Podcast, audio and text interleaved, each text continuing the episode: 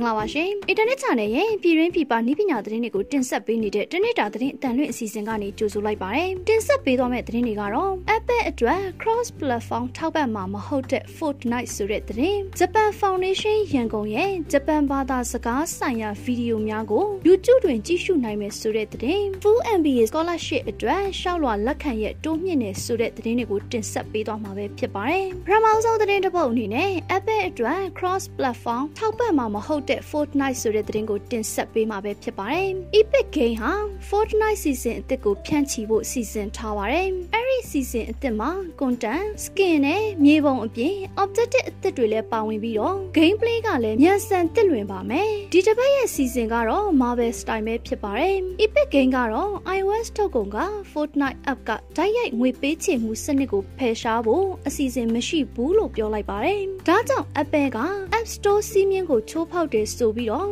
Fortnite ကို Store ကနေဖြုတ်ထားတဲ့အတွက် update မလုပ်နိုင်ပါဘူး။ iPhone, iPad နဲ့ Mac တို့မှာ Fortnite ရဲ့ season အသစ်ကိုမကစားနိုင်ပါဘူး။ season အသစ်ထွက်ရှိတဲ့အခါမှာ iOS နဲ့ macOS က Fortnite ကစားသူတွေက PC, Android ထုတ်ကုန်နဲ့ Game Set ပေါ်က Fortnite ကစားသူတွေနဲ့အတူပြိုင်ဆိုင်ခွင့်ရမှာလည်းမဟုတ်ပါဘူး။ Fortnite game ကတီးခြား version နှစ်ခုဖြစ်သွားမှာပါ။အစစ်မြင့်တင်ထားတဲ့ Fortnite Chapter 2 Season 4ကတော့အခြား platform မှာ ထွက်ရှိပေမဲ့ Apple ရဲ့ platform ကတော့ update မလုပ်ရသေးတဲ့ version ဖြစ်လာပါမယ်။ဆက်လက်ပြီး Japan Foundation ရန်ကုန်ရဲ့ဂျပန်ဘာသာစကားဆိုင်ရာဗီဒီယိုတွေကို YouTube တွင်ကြည့်ရှုနိုင်မယ်ဆိုတဲ့သတင်းကိုတင်ဆက်ပေးမှာပဲဖြစ်ပါတယ်။ Japan Foundation ရန်ကုန်ရဲ့ဂျပန်ဘာသာစကားဆိုင်ရာဗီဒီယိုတွေကို YouTube မှာကြည့်ရှုနိုင်မယ်လို့သိရပါတယ်။ The Japan Foundation ရန်ကုန်အမည်ဖြင့် YouTube Channel မှာ Japan Foundation ရန်ကုန်ရဲ့ပြုလုပ်နေတဲ့အစီအစဉ်တွေ program တွေနဲ့ပတ်သက်ပြီးသိရှိနိုင်ဖို့နဲ့ဂျပန်ဘာသာစကားဂျပန်ယဉ်ကျေးမှုအကြောင်းဗီဒီယိုတွေကိုလေ့လာနိုင်မှာပဲဖြစ်ပါတယ်။ Japan Foundation ရန်ကုန်ရဲ့ဂျပန်ဘာသာစကား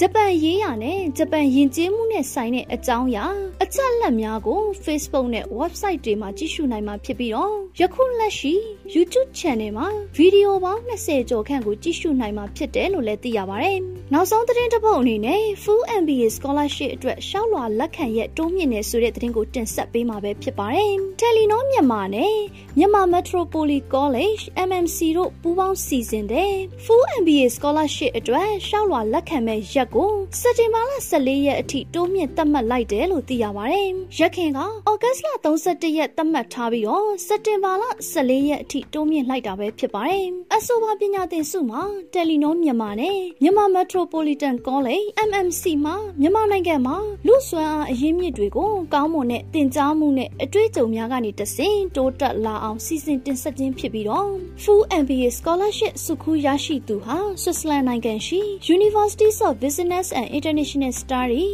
UBIS မှာတိုက်ရိုက်ချီးမြှင့်တဲ့ Master Degree ကိုတက်ရောက်နိုင်မှာပဲဖြစ်ပါတယ်။ MBA program ကိုတက်ရောက်သင်ကြားခွင့်ရရှိမဲ့အပြင် Telenor မြန်မာမှာစီစဉ်ထောက်ပံ့ပေးတဲ့စက်သွယ်ရေးနဲ့ ICT Management အထူးပြုတဲ့ MBA သင်ခန်းစာတွေကိုလည်းတက်ရောက်သင်ယူနိုင်မှာပဲဖြစ်ပါတယ်။အသေးစိတ်ကိုဖုန်း39 2633 3422တို့ဆက်သွယ်စုံစမ်းမေးမြန်းနိုင်မှာပဲဖြစ်ပါတယ်။အခုတင်ဆက်ပေးသွားတဲ့သတင်းတွေကနိုင်ငံတကာနဲ့ပြည်တွင်းမှာရရှိထားတဲ့ဤပညာသတင်းတွေကိုအင်တာနက် channel ကနေတင်ဆက်လိုက်တာပဲဖြစ်ပါတယ်။အခုလို COVID-19 ဖြစ်ပေါ်နေတဲ့ကာလမှာပြည်သက်တွေအနေနဲ့လည်းကျန်းမာရေးနဲ့အာသာဝင်ကြီးဌာနရဲ့လက်ညှိုးမှုတွေနဲ့အညီလိုက်နာဆောင်ရွက်ခါနေထိုင်သွားလာဖို့တိုက်တွန်းလိုက်ပါတယ်။ကျွန်မကတော့ဝေမြင့်မှုပါ။